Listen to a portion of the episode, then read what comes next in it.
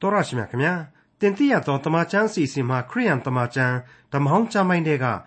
ရမှတ်စာကိုလေ့လာပြီးတဲ့နောက်နောက်ကျမ်းတစ်စောင်ဖြစ်တဲ့နေမိမှတ်စာကိုဆက်လက်လေ့လာမှာဖြစ်ပါတယ်ဣသရမှတ်စာကိုထာဝရရှင်မြတ်စွာဘုရားသခင်ရဲ့တန်ရှင်းသောဝိညာဉ်တော်မှုတ်သွင်းတော်မူခြင်းအပြင်ရေးသားပြုစုခဲ့သူပရောဖက်ဣသရလိုပဲအပြောနဲ့မဟုတ်အလုံးနဲ့တက်တည်ပြခဲ့သူဖြစ်တဲ့နေရမိရေးသားပြုစုတဲ့ကျမ်းဆောင်ဖြစ်ပါတယ် ဒီကနေ့ကျွန်တော်တို့ရဲ့ခရိယန်သာသနာအဆောက်အအုံတွေခရိယန်အဖွဲ့အစည်းလုပ်ငန်းကြီးတွေဟာလူဒန်းစားပေါင်းစုံအလွှာအမျိုးမျိုးကလူမျိုးပေါင်းစုံနဲ့စုဖွဲ့တည်ဆောက်ကြရပါတယ်အရေးကြီးတာကတော့ကိုယ်လောက်ကင်ဆောင်ရွက်ရတဲ့အပေါ်မှာစေတနာတရားတရားအပြည့်အဝနဲ့လှုပ်ဆောင်သွားကြဖို့သာဖြစ်တယ်ဆိုတဲ့အကြောင်းဒီကနေ့တင်ပြရသောတမချန်းအစီအစဉ်မှာလေ့လာမှာဖြစ်တဲ့ခရိယန်တမချန်းဓမ္မဟောင်းကျမ်းပိုင်းတွေကနေမိမှတ်စာရဲ့ဏိဒမ်းပိုင်းနဲ့နေမိမှတ်စာ အခန်းကြီး1မှာတွေ့ရမှာဖြစ်ပါတယ်။ကိုယ်တိုင်ကချမ်းသာတဲ့ဣသရေလလူမျိုးတူဖြစ်ပေမဲ့လို့အဲ့ဒီတုန်းကအကြအတီးတွေ့နေရတဲ့ဣသရေလလူမျိုးတွေအတွက်စိတ်ရောကိုယ်ပါပေးဆက်ဆောင်ရွက်ခဲ့သူနေမိအကြောင်းကို နေမိမှတ်စာရဲ့ဏိဒမ်းပိုင်းနဲ့နေမိမှတ်စာအခန်းကြီး1တို့မှာဒေါက်တာထွန်းမြတ်အေးကအခုလိုရှင်းလင်းဖော်ပြထားပါတယ်။ဒီကနေ့အဖို့ကျွန်တော်ဆက်လက်လေ့လာကြရမှာကတော့နေဟမိမှတ်စာပဲဖြစ်ပါလေ။ နေဟမိမှတ်စာဆရာဟာအမှန်တော့အိဇရမှတ်စာနဲ့တပါးတည်းပူးတွဲလေ့လာအပ်တဲ့ကြံဖြစ်ပါတယ်။အိဇရမှတ်စာမှာရရှိထားတဲ့ဝိညာဉ်ရေးအနှစ်သာရတွေမပြတ်နိုင်အောင်လို့နေဟမိကိုပူးတွဲလေ့လာတိုက်တယ်လို့ကျွန်တော်ဒီကနေ့ဆက်လက်တင်ဆက်ရခြင်းဖြစ်ပါတယ်။နေဟမိမှတ်စာရဲ့အခန်းကြီး1အငယ်1ရဲ့အရာနေဟမိဟာဒီကြမ်းကိုစကားပြောတဲ့သဘောမျိုးပြောတယ်ဆိုတာကိုဖော်ပြထားတာတွေ့ရပါတယ်။ဒါပေမဲ့ အများစုသောသူတီတီတွေကတော့နေဟမိကပြောယုံပြောပြီးတော့အိစရာကလိုက်ပြီးရေးခြင်းဖြစ်တယ်ဆိုပြီးတော့ဖော်ပြထားပါတယ်။ဒါဟာပို့ပြီးတော့ယုတ်တိတန်တဲ့အခြေအမြစ်ရှိတယ်လို့လေကျွန်တော်ကတော့ဆိုချင်ပါတယ်။အကယ်၍အိစရာကသာရေးတယ်ဆိုတာအခိုင်အမာယုံကြည်ကြမယ်ဆိုရင်တော့အိစရာဟာမျက်စိစုံမိတ်ပြီးတော့သူ့ထင်တာတွေသူလျှောက်ရေးတာမဟုတ်ဘူး။သူဟာနေဟမိရဲ့ပြောစကားများကိုနားထောင်ပြီးတော့မှတ်တမ်းတင်ခြင်းဖြစ်ခြင်းဖြစ်မယ်။ ဒါမှမဟုတ်နေဟမိရဲ့မှတ်တမ်းကြမ်းများပေါ်မှာမူတည်ပြီးတော့ပြန်လဲသီကုန်းဖွဲ့နေခြင်းဖြစ်ကိုဖြစ်ရလိမ့်မယ်လို့ကျွန်တော်ဆိုချင်ပါတယ်။အဲဒီလိုပြန်လဲသီကုန်းခြင်းမဟုတ်ရင်လေအခြေခံအချက်များအားလုံးကိုနေဟမိစီကသူသေချာနားထောင်ပြီးတော့မှဒီကြမ်းကိုပြုစုခဲ့ခြင်းဖြစ်ရပါလိမ့်မယ်။ကျွန်တော်ပြောခဲ့ဘူးပြီးတဲ့အတိုင်းပဲအိစရာဆရာဟာယေဘရဟိတ်အမျိုးအနွယ်တယောက်ဖြစ်တယ်။ကျမ်းတတ်ပုဂ္ဂိုလ်တယောက်ဖြစ်တယ်။နေဟမိကတော့အညတရအယတ်သားတယောက်ဖြစ်တယ်။မင်းမှုရန်တယောက်ဖြစ်ခဲ့ပါလေ။ ဒီတော့အိစရာမှတ်စာဟာဗိမာန်တော်အရေးကိစ္စတွေကိုပို့ပြီးတော့ဦးစားပေးထားတယ်။နေဟမိကတော့ယေရုရှလင်မြို့ပြတိဆောက်ရေးအပေါ်မှာပို့ပြီးတော့ဦးစားပေးထားတာကိုတွေ့လာရပါလိမ့်မယ်။အိစရာမှတ်စာမှာလူမျိုးတော်ရဲ့ပြည်တော်ပြန်ကန်းကိုဝိညာဉ်ရေးရှုထောင့်အမြင်ကနေဖော်ပြထားတယ်။နေဟမိကျတော့နိုင်ငံရေးနဲ့ပို့ပြီးတော့နှီးနှောဆက်နွယ်ပြီးတော့ဖော်ပြသွားမှာဖြစ်ပါတယ်။တစ်ချိန်တည်းမှာစီးပွားရေးလောကကလာတဲ့နေဟမိဟာအလွန်ဘုံတကိုးကြီးတဲ့ပေရသိခေါ်ပါရှားဘရင် အာတဇေရနန်းတော်မှာအရေးပါအရာရောက်လာတဲ့ယာရုကြီးတစ်ခုကိုရရှိထားခဲ့ဘူးတယ်။ဒါပေမဲ့သူ့စိတ်အစဉ်ဟာယေရုရှလင်ကိုသာရောက်နေခဲ့တယ်။ဘိုးဘွားအမွေအနှစ်ဣသရေလနိုင်ငံတော်ကလူမျိုးတော်နဲ့သူ့ရဲ့လူမျိုးတော်ရဲ့ဖျားသခင်အတွက်အစဉ်တစိုက်ရှင်သန်လှုပ်ရှားခြင်းရှိနေခဲ့တယ်ဆိုတာဒီကိုကျွန်တော်တို့လေ့လာမှတ်သားကြရပါလိမ့်မယ်။အဲ့ဒီလိုပုံကိုရေးဆန်တဲ့မှတ်တမ်းတွေမှုလို့လေတမျိုးတပါးသာနှုတ်ကပတ်တော်မှာ စိတ်ဝင်စားစရာကောင်းတဲ့မှတ်စာတစ်ခုပဲလို့ကျွန်တော်ဆိုလိုက်ပါရစေ။အချိန်ကာလနဲ့ပတ်သက်ပြီးတော့ပြောရမယ်ဆိုရင်တော့ရာဇဝင်သမိုင်းဆိုင်ရာနှုတ်ကပတ်မှတ်တမ်းတွေထဲမှာအခုနေဟမိမှတ်စာကိုနောက်ဆုံးစာအုပ်တအုပ်လို့ကျွန်တော်ပြောချင်ပါတယ်အကယ်၍သာဂျူးသို့မဟုတ်ဣသရေလဘာသာဝင်တွေကိုမေးမယ်ဆိုရင်ဓမ္မဟောင်းကျမ်းတွေဟာသူတို့အဖို့ဘာမှရှေ့ဆက်เสียမလိုတော့ဘူးလို့တောင်မှဒီနေဟမိကျမ်းနဲ့ပတ်သက်ပြီးတော့ဖြေကြမယ်ထင်ပါတယ်ဘာဖြစ်လို့လဲဆိုရင်တော့အဲ့ဒီဂျူးတွေအဖို့ ပြည့်ညတ်တော်တွေကိုသာဗဟိုပြုတ်ပြီးတော့သူတို့ဟာယုံကြည်ခြင်းတရားကိုရှေ့ကိုဆက်မတိုးလိုတော့တဲ့အတွက်ဒီအတိုင်းပဲပြစ်ကိုဖြစ်ကိုဖြစ်ကြမှာဧကံပဲလို့ကျွန်တော်ကတွက်ပါတယ်မိတ်ဆွေအပေါင်းတို့ခမညာကျွန်တော်ဟာပြီးခဲ့တဲ့သင်ခန်းစာတွေမှာတုန်းကကုရုဘယင်လို့ခေါ်တဲ့ Cyrus ဆိုတဲ့ဘယင်ကြီးရဲ့ခေတ်ကနေပြီးတော့အာတဇေရစ်ဘယင်ရဲ့ခေတ်အထိ85နှစ်ကနေနှစ်100လောက်အထိကွာခြားနိုင်တယ်လို့ကျွန်တော်ဆိုခဲ့ပူပါတယ်ဒါပေမဲ့သမိုင်းအထောက်ထားအရာဘယင်တွေရဲ့နှစ်တွေအဲ့ဒီလောက်ခြားနာနေပြီမယ် ပထမအသုတ်ပြည်တော်ကိုပြန်လာသူဇေရုဘဘေလာတို့အဖိုက်နဲ့အိစရာဥဆောင်တဲ့ဒုတိယအဖိုက်ဟာနှစ်90ပဲကွာခြားတယ်လို့တခါဒီအပိုင်းမှာပြန်ပြီးတော့တွက်ဆလို့ရလာပြန်ပါလေရှေးခေတ်မှတ်တမ်းတွေဆိုတော့ကျွန်တော်ကဒီလိုပဲခန့်မှန်းချက်နဲ့တွက်ဆရမှာပေါ့အေဇရမှတ်စာဆရာဟာရာဇဝင်ကျုပ်ဏီကုန်းကနေပြီးတော့နောက်ထပ်အနှစ်80အချိန်ကိုအစပြန်ကောက်ပြီးဖော်ပြတယ်ဣသရေလအစိတ်အပိုင်းအချို့ဟာဣသရေလကိုပြန်လာကြတယ် အဲ့ဒီအဖိုက်ကိုဇေရုဘဘေလဥဆောင်ပြီးတော့လူ9000လောက်ပါဝင်တယ်အဲ့ဒီနောက်နှစ်90အကြာမှာတော့အိစရာနဲ့လူ2000တို့ထပ်မံပြီးပြန်လာကြတယ်အဲ့ဒီနောက်ထပ်15နှစ်ခန့်အကြာမှာတော့နေဟမိဟာဣသရေလကိုပြန်လာတယ်လို့ကျွန်တော်တို့တွက်ဆထားပါတယ်တနည်းအားဖြင့်တော့အိစရာမှတ်စာဟာအတိတ်ကိုပြန်ကောက်ပြီးတော့ဖော်ကျူးထားတဲ့ကြံဖြစ်ပါတယ်အဲ့ဒီလိုသူတို့ရဲ့အချိန်ကာလမတူညှိမှုကလေးတွေပေါ်မှာမူတည်ပြီးတော့သမိုင်းကွင်းဆက်ကလေးတွေကိုကျွန်တော်တို့တွေ့နိုင်မှာဖြစ်ပါတယ် အဲ့ဒီသမိုင်းကွင်းဆက်တွေးဟာဒံယေလအနာဂတိကျမ်းကိုရောက်တဲ့အခါကျတော့သတင်းဥပုပ်80ဆိုတဲ့ပြဿနာနဲ့ဘောင်ဝင်အောင်ရှင်းလင်းသွားမှာဖြစ်ပါတယ်အဲ့ဒီသတင်းဥပုပ်80ဆိုတာဟာအခုနေဟမိမှတ်စာနဲ့ဓာတ်ရိုက်ဆက်ဆက်နေမှာဖြစ်ပါတယ်အဲ့ဒီသတင်းဥပုပ်80ဆိုတာကိုရှုပ်မှဆိုလို့ဒံယေလအနာဂတိကျမ်းနဲ့ကျွန်တော်ကြိုတင်ဆက်ဆက်ပေးထားနှင်ခြင်းပါတယ်ဒံယေလအနာဂတိကျမ်းအခန်းကြီး9အငယ်25ကိုကြည့်ကြည့်ပါအခုလို့တွေ့ရပါလိမ့်မယ်ထို့ကြောင့် ယေရုရှလင်မြို့ကိုတဖန်တီထောင်ပြုစုစေခြင်းဟာအမိန့်တော်ရှိသည့်နေ့မှစ၍ခရစ်တော်သခင်၏လက်ထက်တိုင်အောင်ခုနှစ်သတင်းနှင့်62သတင်းကြာလိမ့်မည်ဟုသိမှတ်ကြလော့အနှောက်အယှက်ခံရသောကာလ၌မြို့လန်းကိုတဖန်တီထောင်ပြုစုရမည်ဟုစီရင်ဆုံးဖြတ်ခြင်းရှိ၏ဆိုတဲ့အချက်ဖြစ်ပါတယ်အခုနေဟမိမှတ်စာမှာဆိုရင်အဲ့ဒီဒံယေလအနာဂတိကျမ်းစာတွေကမြို့လန်းကိုတဖန်တီထောင်ပြုစုခြင်းနဲ့ မြို့တော်ကိုတဖန်တီထောင်ပြုစုခြင်းအတွက်အခြေခံအချက်တွေကိုကျွန်တော်တို့မြင်တွေ့သွားကြရမှာဖြစ်ပါတယ်ဒီနေရာမှာသတင်းဥပုပ်80ဆရာဟာခုနှစ်နှစ်အတွင်းမှာဥပုပ်သတင်းဟာတစ်ခုသာရှိတယ်ဒါကြောင့်သတင်းဥပုပ်80ဆိုတာဟာနှစ်490နဲ့တွားပြီးတော့ညီနေတယ်ဆိုတာကိုကျွန်တော်တို့အမခန်းလေးလေးသတိပြုမိဖို့လိုအပ်ပါတယ်အဲ့ဒီအချိန်စရာကိုကိုက်ညီနိုင်ဖို့အတွက်ကတော့ Sir Robert Anderson ဆိုတဲ့ပုဂ္ဂိုလ်ကြီးရဲ့ The Coming Prince ဆိုတဲ့စာအုပ်ရဲ့ တခြားအဲ့ဒီပုဂ္ဂိုလ်ကြီးရေးသားထားခဲ့တဲ့သူတေသနာစာအုပ်စာရန်များတွေရဲ့ပုံမှာမူတည်ပြီးတော့အခုလိုကျွန်တော်တို့အဖြေထုတ်နိုင်ပါတယ်။ Cyrus အမည်ရှိတဲ့ကုရုဘုရင်ကြီးဟာဣသရေလတို့ကိုလွတ်ငင်းခွင့်ပြုချိန်ဟာ BC 936ခုနှစ်ဖြစ်ပါတယ်။အဲ့ဒီအချိန်အကြောင်းကိုအိစရာမှတ်စာအခန်းကြီး1အငယ်1မှနေ4အတွင်းမှာကျွန်တော်တို့မြင်တွေ့ခဲ့ရပြီးဖြစ်ပါတယ်။အာတဇေရိသို့မဟုတ်အာတဆက်ဆက်ဆိုတဲ့ဘုရင်ဟာသူ့နန်းဆန်သက်အနှစ်20မှာ နောက်ထပ်နေဟမိတို့ဣသရေလကိုပြန်နိုင်ဖို့အတွက်အမိန့်ထုတ်ပြန်ကြေညာပါတယ်အဲ့ဒါဟာ BC 445ခုနှစ်ပဲဖြစ်ပါတယ်အဲ့ဒါကိုနေဟမိမှတ်စာအခန်းကြီး2အငယ်1ကနေ8အတွင်းရောက်ရင်ကျွန်တော်တို့တွေ့ရပါမယ်အဲ့ဒီအချိန်မှာသတင်းဥပုပ်80စတင်လက်ပတ်ပါပြီအဲ့ဒီအထက်ကသတင်းဥပုပ်9သတင်းတနည်းအားဖြင့်အနှစ်46နှစ်ဟာပရောဖက်မာလခိခေတ်မှာကုံဆုံးသွားပါတယ် အဲ့ဒါဟာ BC 398ခုပဲဖြစ်ပါတယ်အဲ့ဒီတော့ဒီအချိန်ကာလတွေဟာအံ့ဩဖို့ကောင်းလောက်အောင်ကိုက်ညီနေမှုရှိတယ်ဆိုတာကိုနှုတ်ကပတ်တော်ဟာရှင်းလင်းစွာသက်သေပြလိုက်ပါတယ်အဲ့ဒီတော့ဥပုပ်သတင်းခုနှစ်သတင်းကိုသတင်းဥပုပ်ပေါင်း80တဲကနေနှုတ်ချလိုက်တဲ့အခါကျတော့သတင်းဥပုပ်ပေါင်း63ခုကျန်ပါတယ်အဲ့ဒီ63ခုကိုခုနှစ်နဲ့မြှောက်မယ်ဆိုရင်442နှစ်ဆိုပြီးတော့အဖြေထွက်လာပါတယ် ကျွန်တော်တို့ကသမိုင်းအထောက်အထားတွေနဲ့အထက်ကမှန်းဆထားယုံသာရှိခဲ့တဲ့ BC 398တနည်းဆိုရရင်ခရစ်တော်မပေါ်ထွန်းခင်398နှစ်ပေါ့အဲ့ဒီအချိန်ကနေခရစ်တော်အသေးခံတဲ့အချိန်အထိလိုက်ပြီးတော့ပေါင်းဆက်တွက်ဆလိုက်လို့ရှိရင်နှစ်ပေါင်း430ခန့်ဆိုတာအဖြေထွက်လာတော့ဒီလောက်အထိကြာညောင်းလာတဲ့နှစ်ပေါင်းများစွာအတိတ်ကအနာဂတ်ကျမ်းတွေဟာဘလောက်အထိပြစ်မလွဲလူနီးပါကိုက်ညီနေတယ်ဆိုတာကိုအကဲခတ်နိုင်လိမ့်မယ်လို့ပြောချင်ပါတယ် နှုတ်ကပတ်တော်ဟာအစဉ်တစိုက်အလင်းတရားဖြစ်ပါတယ်နှုတ်ကပတ်တော်ဟာအစဉ်တိကျပြတ်သားပါတယ်မိษွေအပေါင်းတို့ခမညာရှေးခေတ်ကာလရဲ့ပြက်ကလေးတွေကိုကျွန်တော်အတိအကျမသိသလိုဘယ်သူမှလည်းအတိအကျမသိပါဘူးကွန်ပျူတာနဲ့အသေးဆုပ်ကင်တွက်လို့မရတဲ့အချိန်ကာလကသက်ကရစ်တွေအရမှဘင်းဖြင့်အနာဂတ်ကျမ်းတို့ဟာပြည့်စုံနေတယ်ဆိုတာတွေ့ရသလိုနက္ခတ္တသမိုင်းများအရာခရစ်တော်ပေါ်ထွန်းခဲ့တဲ့အဲ့ဒီခုနှစ်သက်ကရစ်ဒီမှာပဲ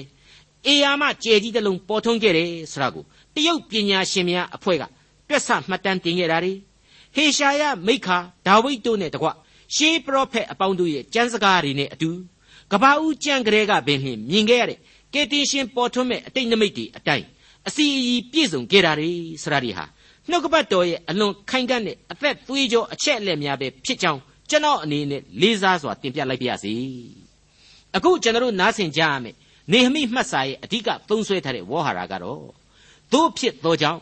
ဒါမှမဟုတ်ရင်ဒီလိုနီးနေပဲဆိုတဲ့ဝေါ်ဟာရဖြစ်ပါတယ်တနည်းအားဖြင့်အင်္ဂလိပ်လိုကတော့ဆိုးဆိုတဲ့ဝေါ်ဟာရပါပဲအဲ့ဒါဟာအချိန်ပေါင်း32ကြိမ်တိုင်တိုင်အဲ့ဒါကြောင့်တို့ဖြစ်၍တို့ဖြစ်သောကြောင့်ဒီလိုနီးနေပဲဆိုတဲ့အသုံးများအဖြစ်ဒီမှတ်စာတွေထဲမှာအတွဲလိုက်တွေ့မြင်ရပါတယ်ဒါဟာစကားတဲ့လက်တွေ့အလုပ်များနဲ့သာ နေဟမိမှတ်စာဟာပြည့်ဝနေတယ်ဆိုတာကိုသိသာထင်ရှားစေပါတယ်ဒါကိုအခုနေဟမိမှာဘလောက်အထိတာသွားတဲ့အသုံးအနှုန်းဖြစ်တယ်လဲဆိုတာကိုမိษွေတို့အနေနဲ့အကဲဖြတ်ကြည့်စီခြင်းပါတယ်နေဟမိမှတ်စာရဲ့တော့ကျက်ကြတဲ့အဓိကကျမ်းပိုက်များအဖြစ်ကျမ်းပိုက်နှစ်ပိုက်ကိုကျွန်တော်ရွေးချယ်ပေးခြင်းပါတယ်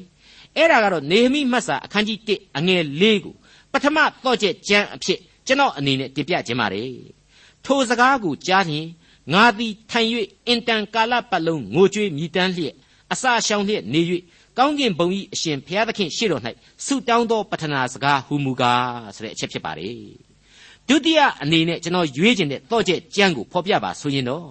နေဟမိမတ်စာအခန်းကြီး6အငယ်3ကိုဖော်ပြရပါလိမ့်မယ်အဲ့ဒါကတော့အခုလိုပါငါကလည်းငါသည်ကြီးသောအမှုကိုဆောင်ရွက်ရသောကြောင့်မဆင်းမလာနိုင်ထိုအမှုကိုမဆောင်ရွက်ဖဲသင်တို့ရှိရာသို့ဆင်းသွား၍ အဘယ်ကြောင့်အမှုပြတ်ရမည်နည်းဟုတမန်တို့ကိုဆေးလွှတ်၍ပြန်ပြော၏နေဟမိမှတ်စာနဲ့ပတ်သက်လို့ဏိဒန်းပိုင်းကိုဒီလောက်နဲ့ပဲကျွန်တော်ညီကုန်းချုပ်ချင်ပါတယ်အခုမကြခင်မှာတော့နေဟမိမှတ်စာအခန်းကြီး1ကိုစတင်ဖွင့်လှစ်သွားပါတော့မယ်အခန်းကြီး1ရဲ့အဓိကအချက်ကတော့နေဟမိရဲ့ယေရုရှလင်မြို့ရောက်ဣသရေလအစုအဖွဲ့တို့အတွက်ဆုတောင်းခြင်းအကြောင်းပဲဖြစ်ပါတယ်မိတ်ဆွေအပေါင်းတို့ခမညာဣသရေလကိုလူမျိုးတော်ဆိုပြီးတော့ဘုရားသခင်ရွေးကောက်တာဟာအမှန်တော့နတ်ကိုးကွယ်မှုတွေကို တွန်းလှန်ဖြိုပြက်ပြီးတော့သူ့ရဲ့ဘုံတော်ကိုထင်ရှားထွန်းလင်းစေဖို့ဖြစ်တယ်ဆိုတာကိုဘယ်သူမှညင်းနိုင်မှာမဟုတ်ပါဘူးတနည်းအားဖြင့်အသက်ရှင်တော်မူသောဘုရားသခင်ထာဝရဘုရားကိုလူသားတို့ကိုးကွယ်ဖို့ပဲပေါ့ဒါပေမဲ့အဲ့ဒီလူမျိုးတော်ကိုယ်တိုင်ဟာတမိုင်းနှစ်ပေါင်းများစွာအတွင်းမှာအဲ့ဒီနတ်ကိုးကွယ်မှုဘက်ကိုသာအာသံရင်းရင်သွားရခဲ့တယ်ဆိုတာကိုကျွန်တော်တို့တွေ့ကြရပြီးဖြစ်ုံမကားအဲ့ဒီလိုဘုရားသခင်ကိုပြစ်မှားတဲ့အတွက်လေသူတို့ကိုကျွန်ဘဝသို့ပို့ဆောင်ခဲ့ခြင်းပဲဖြစ်တယ်ဆိုတာကို ကျွန်တော်တို့ကောင်းစွာသဘောပေါက်နိုင်ကြလိမ့်မယ်ထင်ပါတယ်အဲ့ဒီအထဲမှာမှဘာဘူးလုံဧကရစ်နိုင်ငံတော်ကြီးအောက်ကိုရောက်သွားခဲ့တယ်ဆိုတာကိုလေသေချာစဉ်းစားလိုက်ရင်တော့နတ်ကိုးကွယ်မှုရဲ့အချက်အချာနေရာမှာမှနတ်သမားတွေရဲ့ကျွန်အဖြစ်ရောက်ရှိသွားခဲ့ခြင်းသာဖြစ်ပါတယ်အဲ့ဒီတော့နတ်တို့ပျော်ရာအချက်အချာနိုင်ငံတော်ကြီးမှာနှစ်80နေခဲ့ရတော့အဲ့ဒီနတ်ကိုးကွယ်မှုဒလိစရိုက်ကလေးတွေတချို့ဟာကျွန်ဘဝရဲ့အမွေအနှစ်အဖြစ်ပြန်ပြီးတော့ပါလာခဲ့ပြန်တယ် ဒီအစဉ်အလာကလေးတွေဟာနောက်ပိုင်းယောမလက်အောက်ခံကျွန်ဘဝကိုရောက်ချိန်မှလဲမပြောက်ကွယ်တော့ပါဘူးဓမ္မသစ်ကျမ်းရဲ့အခန်းအနာကိုကျွန်တော်ဖွင့်လှစ်တဲ့အချိန်မှလဲဣသရေလဟာယောမရဲ့လက်အောက်ခံဘဝမှာပဲဖြစ်တယ်ဆိုတာကိုကျွန်တော်သိပြီးသားဖြစ်ကြမှာပါဘလောက်အံ့ဩဖို့ကောင်းတယ်လေအသက်ရှင်တော်မူသောဘုရားသခင်ရဲ့ရွေးကောက်တော်မူသောလူမျိုးတော်နော်နှစ်ပေါင်းများစွာနတ်နဲ့မကင်းနိုင်ခဲ့ဘူး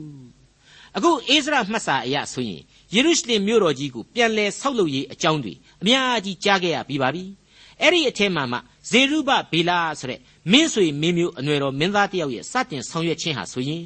နိုင်ငံရေးကဏ္ဍကနေပြီးတော့တိဆောက်ခြင်းရဲ့သဘောတဘာဝဖြစ်ပါတယ်ပြီးနောက်မှာတော့ပရောဖက်ဖြစ်တဲ့အိစရာခေတ်ကိုရောက်ပါတယ်တနည်းဆိုရင်တော့အဲ့ဒီလိုနိုင်ငံရေးခေါင်းဆောင်ဘာသာရေးခေါင်းဆောင်တို့ကနေတိဆောက်တာတွေအားလုံးဟာလုံလောက်ခြင်းအရှင်းမရှိခဲ့ဘူး။ ဒါကြောင့်မလို့ဘုရားသခင်ဟာနေဟမိကိုဆက်လက်ရွေးကောက်အသုံးပြုတော်မူခဲ့ခြင်းဖြစ်တယ်လို့ကျွန်တော်နားလေသဘောပေါက်ထားဖို့လိုပါတယ်။ဒီကနေ့ကျွန်တော်ရဲ့သာသနာအဆောက်အုံတွေအဖွဲ့အစည်းလုပ်ငန်းကြီးတွေဆိုတာဟာလေအဲ့ဒီလိုပဲလူဒန်းစားဘောင်းစုံနဲ့အလွှာအဖွဲ့အမျိုးမျိုးနဲ့စုဖွဲ့တိဆောက်ရာယူထုံးစံဖြစ်တယ်ဆိုတာကိုကျွန်တော်မေ့ထားလို့မရနိုင်ပါဘူး။အရေးကြီးတာကတော့ကိုလောက်ကင်ဆောင်ရွက်ရတဲ့အလုပ်များအပေါ်မှာကိုဟာစေရနာသရာတရားအပြည့်အဝနဲ့လှုပ်ဆောင်သွားကြဖို့သာလျှင်ဖြစ်ပါတယ် ဒီကနေ့ကျွန်တော်ရဲ့မျက်မှောက်ခေတ်အချိန်ကာလကိုပြန်စဉ်းစားလိုက်ခြင်းကျွန်တော်ပြီးခဲ့တဲ့အိစရာအပိုင်းမှာတည်းအထက်ထပ်ပြောခဲ့တဲ့ revival သို့မဟုတ်ဝိညာဉ်ရေးနှိုးကြားမှုနဲ့ပတ်သက်ပြီးတော့ကျွန်တော်တွေးတောဆင်ခြင်စရာတွေအများကြီးရှိပါတယ်အဲ့ဒီလို revival လုပ်ငန်းတွေကိုဖျားသခင်ဟာအညတရလူအတန်းအစားကနေပြီးတော့တကိုးတော်များချထားပေးပြီးအသုံးပြုတယ်ဆိုတာကိုကျွန်တော်လေ့လာနိုင်လောက်ပါတယ်ဝေးဝေးလဲဒါကိုသိစဉ်းစားစရာမလိုပါဘူးကိုသာပြူတို့ ကိုနောတို့မမင်းလေးတို့စတဲ့မြန်မာနိုင်ငံကပထမတိုင်းရင်းသားခရိယန်တွေအကြောင်းတွေကိုပြန်ပြီးစဉ်းစားလိုက်ရင်ရှင်းနေပါတယ်သူတို့တွေဘယ်နှယောက်များတထေးကြီးတွေပါလို့လဲအလွန်ဆင်းရဲတွင်နဲ့တဲ့အတိတ်သမိုင်းတွေကနေမှပြောင်းလဲလာရသူတွေသာဖြစ်ပါတယ်အသင်းတော်များဟာသူတို့အားဖြင့်စတင်ပေါက်ဖွာလာခဲ့ခြင်းသာဖြစ်ပါတယ်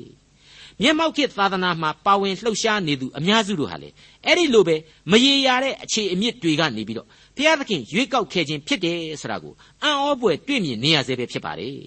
မိษွေတို့ခမညာကျွန်တော်လူသားအမြင်မှမရေရာမှုဘုရားသခင်ရှိမှတော့ရေရတယ်ဘုရားသခင်ရှိမှနော်ကျွန်တော်ရဲ့မန်မာတွေမန်မာနတွေမလိုဘူးဂုံပကာသနာတွေမလိုဘူးငွေလည်းမလိုဘူးအဆင့်အတန်းတွေလည်းမလိုဘူးဖျားသခင်ဟာနှလုံးသားကိုသာကြည့်ရှုတော်မူသောသခင်ဖြစ်ပါတယ်ကျွန်တော်ရဲ့တာဝန်ဟာဖျားသခင်ချထားပေးတဲ့တာဝန်များကိုကြည်ပြွန်စွာနဲ့ထမ်းဆောင်ဖို့ စိတ်သက်ခွန်အားထက်သန်စွာနဲ့ဆောင်ကျဉ်ကြဖို့သာဖြစ်ပါတယ်အခုနေဟမိဟာဆိုရင်အဲ့ဒီလိုတက်ကြွရှင်သန်ခဲ့သူဖြစ်တယ်ဆိုတာကိုကျွန်တော်မုတ်ချတွေ့လာရမှာဧကန်အမှန်ပါအခုနေဟမိစိတ်ဓာတ်နဲ့ခံယူချက်ဆိုပြီးတော့ခေါင်းစဉ်ပေးရင်းနဲ့အခန်းကြီး1ကိုစတင်လေ့လာကြည့်ရှုကြပါစို့နေဟမိမှတ်စာအခန်းကြီး1အငယ်1မှ3ဟာခလိသားနေဟမိစကားဟူမူကားအာတဇေရစ်မင်းကြီးနန်းဆန်20 ခိသလူလတွင်ငါသည်ရှုရှံနန်းတော်၌ရှိနေစဉ်ငါညီဟာနန်နှင့်ယူဒလူအချို့တို့သည်ရောက်လာ၍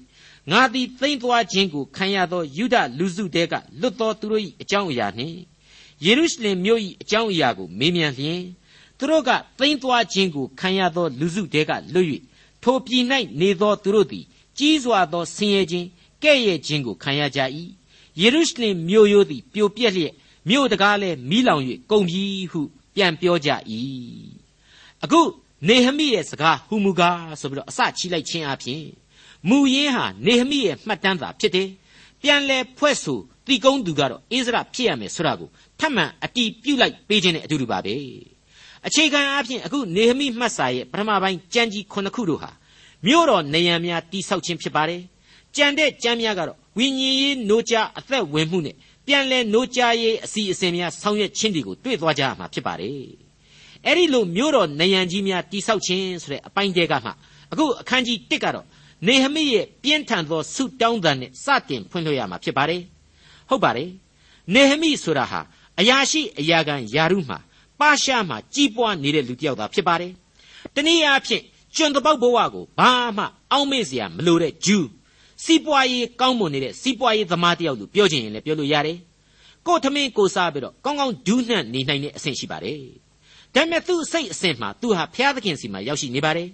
အဲ့ဒါနဲ့ပဲယေရုရှလင်မြို့ကပြန်လာခဲ့တဲ့ဣသရေလဆွေမျိုးတော်တယောက်နဲ့စကားစမီပြောရခြင်းအပြင်ဖျားသခင်နဲ့သက်ဆိုင်တဲ့အကြောင်းအရာတွေကျွန်ဘဝကနေလွတ်မြောက်ပြီးတော့ဣသရေလကိုပြန်ရောက်သွားတဲ့လူမျိုးတော်နဲ့ပတ်သက်တဲ့ဖြစ်ရမှန်တွေကိုသူဟာကြားနာရပြီးတော့ ရင်မချိအောင်ခံစားရတယ်လို့ဆိုပါတယ်အဲ့ဒီအခါမှာတော့လက်တွေ့သမားနေဟမိဟာဒီလိုသူကြားရတဲ့ယေရုရှလင်မြို့တော်ကအဖြစ်အပျက်ဒီပေါ်မှာအလိုတော်အတိုင်းပေါ့ဗျာကျွန်တော်လည်းဆူတောင်းပေးနေပါမယ်လေဟာဒီလိုကြီးတော့ဘယ်ကောင်းမလဲဗျာကျွန်တော်လည်းပိုက်ဆံတော်တတ်နိုင်သူကူပြီးထည့်ပေးလိုက်ပါမယ်စတဲ့အဆင့်မျိုးတဲ့ပို့လွန်ပြီးတော့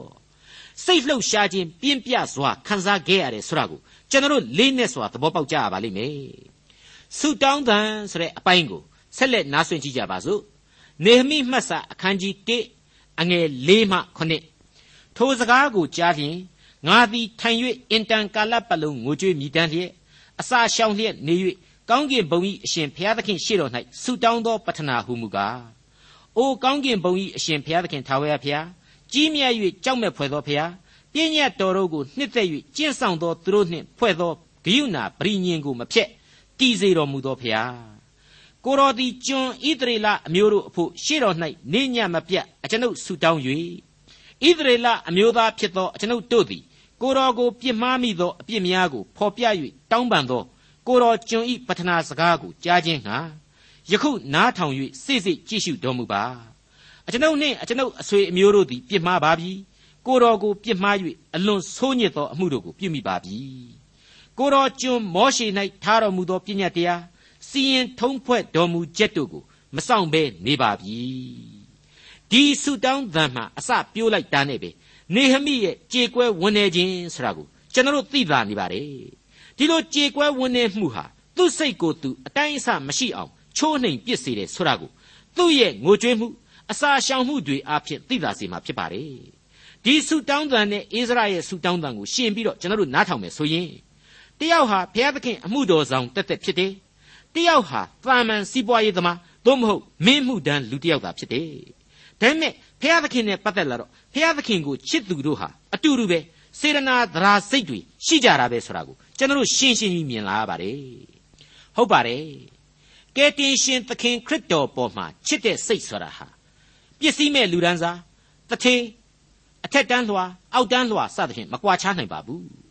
စိုက်ကားသမားရဲ့ယုံကြည်ခြင်း တထေးကြီးတယောက်တည်းမမြင်ဘူးလို့ဘယ်သူပြောနိုင်လို့တော့ဒီအတိုင်းပဲအခုနေဟမိရှေးခေတ်ထုံးစံနဲ့တွက်ဆပြီးကြည့်လိုက်လို့ရှိရင်လေဝိအမျိုးအနွယ်လည်းမဟုတ်ဘူးယစ်ပရောဟိတ်လည်းမဟုတ်ဘူးကြမ်းတက်ကြီးလည်းမဟုတ်ဘူးသူဟာနောက်ပြီးတော့သူ့စီးပွားနဲ့သူကောင်းကောင်းဒူးနှံ့ပြီးစားနိုင်တဲ့လူချမ်းသာတယောက်ဒါပေမဲ့အဲ့ဒီကြမ်းတက်ပုဂ္ဂိုလ်အဲ့ဒီယစ်ပရောဟိတ်မျိုးလိုပဲသူ့ရဲ့ယုံကြည်ခြင်းဟာကဲတင်ရှင်အပေါ်မှာတင်ရှိနေတယ် လေးနဲ့တဲ့အာကိုခိုးထုံခြင်းရှိနေတယ်ဘလောက်အံ့ဩဖို့ကောင်းတယ်လေမျက်မှောက်ကာလကျွန်တော်တို့ရဲ့ဘဝတွေဟာဆိုရင်ခရစ်တော်အတွက်အတော်ကြီးစိတ်ပြက်စရာတွေပဲဖြစ်နေတယ်လို့ကျွန်တော်ကတော့တွေးမိပါတယ်အဲ့ဒီလိုခရစ်တော်အတွက်စိတ်ပြက်စရာကောင်းနေတဲ့လူတွေအဖြစ်အခုနေဟမိလိုခန်းစားတတ်သူများဖြစ်ကြပါရဲ့လားမိမိကိုယ်တိုင်ရဲ့အပြစ်များနဲ့တကွမိမိနဲ့သက်ဆိုင်သူများတို့ရဲ့အပြစ်များအကြောင်းကိုပါပြန်လဲတွေးဆရင်းနဲ့ရင်နဲ့အမျှဖွင့်ဟဝန်ခံနိုင်သူများဖြစ်ကြရဲ့လားဆိုတာဒီတွေးเสียပေါ်လာပါတယ် ပြီးတော့နောက်ထပ်စဉ်းစားရန်အချက်ကတော့အိစရာဟာအသက်ကြီးသူဖြစ်ပါလိမ့်မယ်နေဟမိဟာအသက်ငယ်ရွယ်သူဖြစ်ပါလိမ့်မယ်ခေချင်းကိုကအနည်းဆုံး15နှစ်กว่าနေတယ်မဟုတ်ဘူးလားနေဟမိဟာကျွန်ခေနှောင်းပိုင်းကြမှာမွေးဖွားလာသူလည်းဖြစ်ရလိမ့်မယ်လို့ကျွန်တော်တွက်ပါတယ်အချိန်ကာလခြားနာမှုဆိုတဲ့အဲ့ဒီအချက်တွေကြောင့်လေဘာဘူးလုံမှာကြံနေရစ်သူဣတရီလဒီတဲကမပြန်ဘူးဆိုတဲ့အများစုပြိသက်ကိုကျွန်တော်တို့ဟာအပြစ်မတင်ရက်ခဲ့ပါဘူးကျွန်တော်အပြစ်မတင်ခဲ့ပါဘူး ဒါကတော့ဝန်ခံရမယ်ဆိုရင်ကို့အတွေးနဲ့ကိုပဲဆိုပါတော့ဒီအများစုသောဣတရီလတွေကိုသူတို့နေရာမှာဝင်ပြီးတော့စာနာကြည့်ကြလေသူတို့တွေဟာဘယ်နည်းနဲ့မှသူတို့ရဲ့အမိနိုင်ငံကိုပြန်ပြီးတော့မရင်ပါနိုင်တော့ဘူးသူတို့ရဲ့ဘာဘူးလုံအရက်ကိုပဲဇာတိချက်ကြွေအဖြစ်ခံစားရပြီးတော့ဘလောက်ပဲဒို့ဘိုးဘွားအမွေအနှစ်ဖြစ်တယ်ပဲပြောပြောအတိတ်ခါနန်ကိုမပြန်ကျင်တော့လောက်အောင်စိတ်အခြေအနေတွေရုပ်အခြေအနေတွေဟာပြောင်းလဲခဲ့ပြီးဖြစ်လိမ့်မယ်လို့ကျွန်တော်ခန်းစားမိပါတယ် ဖတ်ခဲ့တဲ့နေဟမိရဲ့ဆူတောင်းတဲ့တွေကအိုးကောင်းကင်ဘုံကြီးအရှင်ဘုရားသခင်ထာဝရဘုရားဆိုတာဟာနေဟမိရဲ့ယင်တွင်းခန်းစားချက်ကိုလှလှပပဖော်ကျူးလိုက်တဲ့အသုံးအနှုန်းဖြစ်ပါတယ်ဒီအသုံးအနှုန်းကိုအိစရာနေဟမိနဲ့ဒံယေလတို့ဟာအများဆုံးအသုံးပြုခဲ့တယ်လို့ကျွန်တော်ဆိုချင်ပါတယ်ဟုတ်ပါတယ်လူမျိုးတော်ဟာကျွန်ဘဝမျိုးတော်ယေရုရှလင်ဟာပျက်စီးပြီးတော့ဗိမာန်တော်ဟာကျွန်လူမျိုးတို့ရဲ့အတိတ်ရဲ့အရေးအဖြစ်သာကြီးနဲ့ဖုတ်ဖုတ်ဖြစ်ကြံခဲ့ရပြီဆိုရင် ဓမ္မဟောင်းသမိုင်းမှာအစဉ်တစိုက်တည်ခဲ့လေတဲ့ဖျားသခင်ရဲ့ဘုံတော်ဆိုတာဟာအဲ့ဒီအရက်ကနေပြန်လဲရုပ်သိမ်းသွားပြီဖြစ်တယ်လို့ကျွန်တော်ပြောခဲ့ပြီးပါပြီဒါကြောင့်ကောင်းကင်ဘုံ၌သာလျှင်ဖျားသခင်ထာဝရဘုရားဟာကျင့်ဝတ်နေတော့မှာဖြစ်ပါတယ်ဆက်လက်လိုက်တဲ့နောက်ဆက်တွဲအချက်ကတော့ကြီးမြတ်၍ကြောက်မဲ့ဖွယ်သောဖျားဆိုတဲ့ဝေါ်ဟာရဖြစ်ပါတယ်ဘလောက်ကောင်းတယ်လေနေဟမိဟာဘလောက်အသက်ပါတဲ့ဆူတောင်းခြင်းကိုပြုတယ်လေကောင်းကင်ဘုံကြီးအရှင်ဘုရားသခင်ထာဝရဘုရားတဲ့ အခြေအနေပေါ်မှာမူတည်ပြီးတော့ဆူတောင်းခြင်းကိုပြောင်းလဲလိုက်တယ်နော်ပြီးတော့ကြီးမြတ်၍ကြောက်မဲ့ဖွယ်သောဘုရားတဲ့ဒါဟာအင်္ဂလိပ်လိုတခြားမဟုတ်ဘူး reverend ဆိုတဲ့ဝေါ်ဟာရပဲဒါကြောင့်လဲဒီကနေ့ကိုကိုကို reverend reverend ဆိုပြီးတော့ရှေ့ကအမိသတ်မှတ်ထားခြင်းခံရတဲ့ဓမ္မဆရာတော်များဟာဘုရားသခင်နဲ့သာထိုက်တန်တဲ့ဂုံတူးကိုချိတ်ဆွဲထားရခြင်းဖြစ်တယ်ဆိုတဲ့အသိစိတ်ကိုယင်ထဲမှာမွေးမြူထားကြဖို့အထူးပဲလိုအပ်လာပါတယ်ဖျားသခင်နဲ့သာ တိုက်ရိုက်ထိုက်တန်တဲ့အခွင့်အရေးကိုရယူထားရကြောင်းကိုကိုကိုကိုသိနာလေထားဖို့လိုပါတယ်ကနဦးအသင်းတော်တွေကနေစပြီးတော့နှောင်းကာလမှာအဲ့ဒီ reverend ဆိုတဲ့ဝေါ်ဟာရကိုစတင်သုံးဆွဲခဲ့ပါတယ်ဓမ္မဆရာတော်များဟာလေခေတ်ကာလအလျောက်အာနာတွေပုံမူကင်တွယ်ခဲ့ရတယ်လို့သမိုင်းအရာမြင်နိုင်ပါတယ်အဲ့ဒီအချိန်တုန်းကအခုလိုကြီးမြတ်၍ကြောက်မဲ့ဖွယ်သောဆိုတဲ့ဝိသေသဟာခဏခေတ်အထိလိုက်ပါလာခဲ့ပါတယ် ဒါဟာဆရာသမားများသိထားရမယ်ဂုံပုတ်ရဲ့အေယာမအနဲ့သဘောကြီးပဲဖြစ်လို့ထဲ့သွင်းဖော်ပြလိုက်ရခြင်းဖြစ်ပါတယ်နေဟမိဟာအကျွန်ုပ်နဲ့အကျွန်ုပ်ဤဆွေမျိုးတို့သည်ပြစ်မှားပါပြီဆိုတာကိုလေသူ့ရဲ့ဆူတောင်းခြင်းမှာဆက်လက်ဖော်ပြသွားပါတယ်အဲ့ဒါဟာခရစ်တော်ကာလဖာရိရှဲနဲ့ကျမ်းတက်တီစီမာတောင်းမှမတွေ့ရတဲ့ဘုရားသခင်ယုံကြည်သူတူရဲ့လက္ခဏာကြီးတည်းပဲဖြစ်ပါတယ်နေဟမိမှတ်စာအခန်းကြီး1အငယ်8မှ7အဆုံးအထိကိုတော်ကသင်တို့သည်လွန်ကျူးလျင် သင်တို့ကိုတပါးအမျိုးသားတို့တွင်ငါကွဲပြားစေမည်တဖန်ငါထံသို့ပြန်လာ၍ငါပြည့်ညတ်တို့ကိုကျင့်ဆောင်ပြန်လျင်မိုးကောင်းကင်အောက်အဝေးဆုံးသောအရက်သို့နှင်ထုတ်ခြင်းကိုခံရတော်လေထိုအရက်ကငါသိမ့်ယူ၍ငါနာမတီးရဖို့ငါရွေးချယ်သောအရက်သို့ဆောင်ခဲ့မည်ဟုကိုတော်ကျွန်မောရှေ၌ထားတော်မူသောဂရိတော်ကိုအောက်မေ့တော်မူပါယခုမှဤသူတို့သည်မဟာတကိုးတော်နှင့်အာကြီးသောလက်တော်ဖြင့်ရွေးနှုတ်တော်မူသောကိုတော်ကျွန်ကိုတော်လူမျိုးဖြစ်ကြပါ၏ အိုဖျားရှင်ကိုတော်ကျွန်ပြုသောပတနာစကားနှင့်နာမတော်ကိုယိုသေးခြင်းသောကျွန်တော်များပြုသောပတနာစကားကိုနားထောင်တော်မူပါကိုတော်ကျွန်ကိုယနေ့ကောင်းကြီးပေးတော်မူပါဤလူရှိမှမျက်နှာရပါမည်အကြောင်းကယ်မသနာတော်မူပါဟုဆုတောင်းလေ၏ထိုအခါငါသည်ရှင်ဘရင်ဤဖလားတော်ကိုင်ဖြစ်သည်ပြည့်ညတ်တော်များသို့မဟုတ်နှုတ်ကပတ်တော်များအတိုင်းနေမိဟာကျင့်ဆောင်တတ်သူဆိုတာကိုအခုသူ့ရဲ့ဗျာဒိတ်တော်များကို နားလေခန်းစားတတ်ခြင်းအပြင်သိသာထင်ရှားပေါ်လွင်နေစေပါတယ်။တနည်းအားဖြင့်ဆိုရင်လေသူ့ရဲ့ဆုတောင်းသံဟာသူ့ရဲ့ဝိညာဉ်ရေးအဆင့်အတန်းကိုဖော်ပြနေပါတယ်။သူဟာဘုရားသခင်ရဲ့အပြစ်ပေးခြင်းကြောင့်စီရင်ခြင်းကြောင့်သူ့လူမျိုးကျွန်ဘဝကိုရောက်ရှိသွားခဲ့ရခြင်းဆိုတာကိုသိတယ်လို့အပြစ်မှနောက်ဆုံးမှလွတ်ကင်းလို့အမွေခံရပြည်စီတို့ပြန်ရခြင်းဆိုတာကိုလေသူခံစားနားလည်နိုင်ပါတယ်။အဲ့ဒီလိုသူ့ရဲ့နားလည်နိုင်စွမ်းအားသူ့ရဲ့ဝိညာဉ်အဆင့်အတန်းကြောင့်လေ ကြမ်းတက်ရစ်ပရောဟိတ်မဟုတ်သူအညတရဖြစ်တဲ့သူ့ကိုမှဘုရားသခင်ဟာရွေးကောက်တင်မြှောက်လိုက်တာပဲဆိုတာကိုကျွန်တော်အထူးသတိပြုမိဖို့လိုပါလိမ့်မယ်။သူဟာအခုဆိုရင်ဘုရားသခင်ရဲ့အလိုတော်အတိုင်းအသုံးပြုခြင်းကိုခံယူဖို့အတွက်စန္ဒမုံများနဲ့ပြင်းပြင်းပြပြခံစားနေရပါတယ်။သူဟာဘုရားသခင်ကိုဘလောက်အထိယိုကျိုးမှုရှိတယ်။ကြောက်ရွံ့ယိုသေးတယ်ဆိုတာကိုလေဒီဆုတောင်းသံများဟာဖော်ပြနေပါတယ်။အခုသူဖော်ပြခဲ့တဲ့ ဤလူရှိမှမျက်နှာရတော်မူမည်အကြောင်းကဲမသနာတော်မူပါဆိုတာကလေဤလူဆိုတာဟာပါရှားဘရင်အာတဇေရမင်းကြီးကိုဆိုလိုတာပဲဖြစ်ပါတယ်သူဟာအဲ့ဒီအချိန်မှာအာတဇေရမင်းရဲ့ဖလားတော်ကိုင်နန်းတော်သားတယောက်ဖြစ်နေတယ်ဆိုတာကိုကျွန်တော်တို့တွေ့ခဲ့ရပြီလေဒီအချက်တွေဟာနေဟမိဆိုတဲ့ပုဂ္ဂိုလ်ဘယ်လိုလူလဲဆိုတာကိုဖော်ပြနေပါတယ်သူ့ဘာသာသူနေနိုင်စားနိုင်တဲ့အခွင့်အရေးရှိသူစီးပွားရေးအင်အားတောင့်တင်းသူဘုရားသခင်တာဝန်အတွက်ဖြစ်စီ လူမျိုးတော်ရဲ့တာဝန်အတွက်ဖြစ်စီနေသာသလိုနေမယ်ဆိုရင်ရှောင်နေနိုင်တဲ့လူအဆင့်အတန်းရှိတယ်ဆိုတာကိုကျွန်တော်တို့တွေ့ရပါပြီတစ်ချိန်တည်းမှာပဲသူဟာအဲ့ဒီလိုလောကအခွင့်အရေးတွေကြားထဲကနေပြီးတော့ဘုရားသခင်ကိုဘလောက်အထိကြောက်ရွံ့ယိုသေးလေးစားခဲ့တယ်ဆိုတာဟာမေ့ဖြောက်လို့မရနိုင်တဲ့အချက်ဖြစ်တဲ့အကြောင်းဒီကနေ့အဖို့ကြိုတင်တင်ပြထားပါရစေဒေါက်တာထွန်းမြတ်ရေးစီစဉ်တင်ဆက်တဲ့တင်ပြတော်တမချန်းအစီအစဉ်ဖြစ်ပါတယ်နောက်တစ်ချိန်အစီအစဉ်မှာခရိယန်တမချန်းဓမ္မဟောင်းကျမ်းပိုင်းတွေက နေအမိမတ်စာအခန်းကြီး2ကိုလေ့လာမှဖြစ်တဲ့အတွက်စောင့်မျှော်နားဆင်နိုင်ပါတယ်။